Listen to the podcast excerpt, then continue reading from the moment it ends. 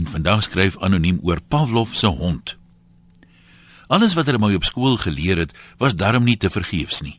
Hier en daar onthou ek spontaan iets, maar ongelukkig is dit meestal iets totaal onbenulligs. Dikwels wonder ek selfs hoekom dit ooit in die leerplan was. As uitkomsgebaseerde onderwys al in die vorige millennium die norm was, sou dit waarskynlik weggelaat gewees het, want die kanse dat die betrokke kennis iewers uitkoms sal bring is maar skraal. Pavlov se hond val in die kategorie.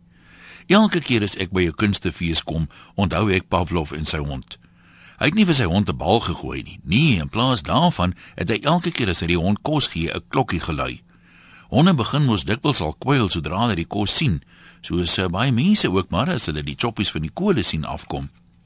Pavlov se hond het later die klokkie en die kos so sterk met mekaar begin assosieer dat hy begin kwyl het as hy net die klokkie hoor, al kom die kos nie.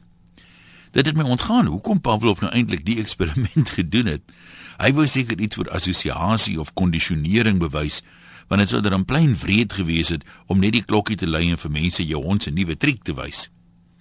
Ek weet nie waar dit begin het nie, maar dit het 'n tradisie geword dat ons elke keer as ons op 'n fees kom, die stalletjies moet besoek. Daar koop my liefste vroutjie dan gewoonlik iets wat amper in die motor pas. Ek weet gelukkig al spasie is beperk. Daarom koop ek gewoonlik iets wat ons nie hoef saam te karwei nie, soos 'n lewerkoekie. Annie eet mos nie lewer nie, so by die huis eet ons nooit lewer nie. My lewer sal my eerder eet by die huis.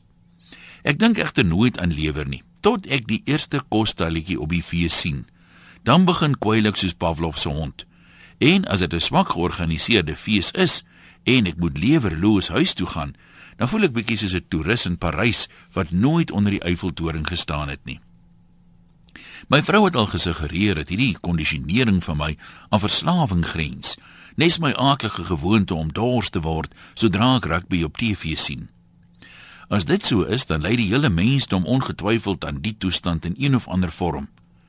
Daar's min vrouens wat nie onbeheerbaar aan klere in modewinkels begin voel sodra hulle in 'n mall kom nie.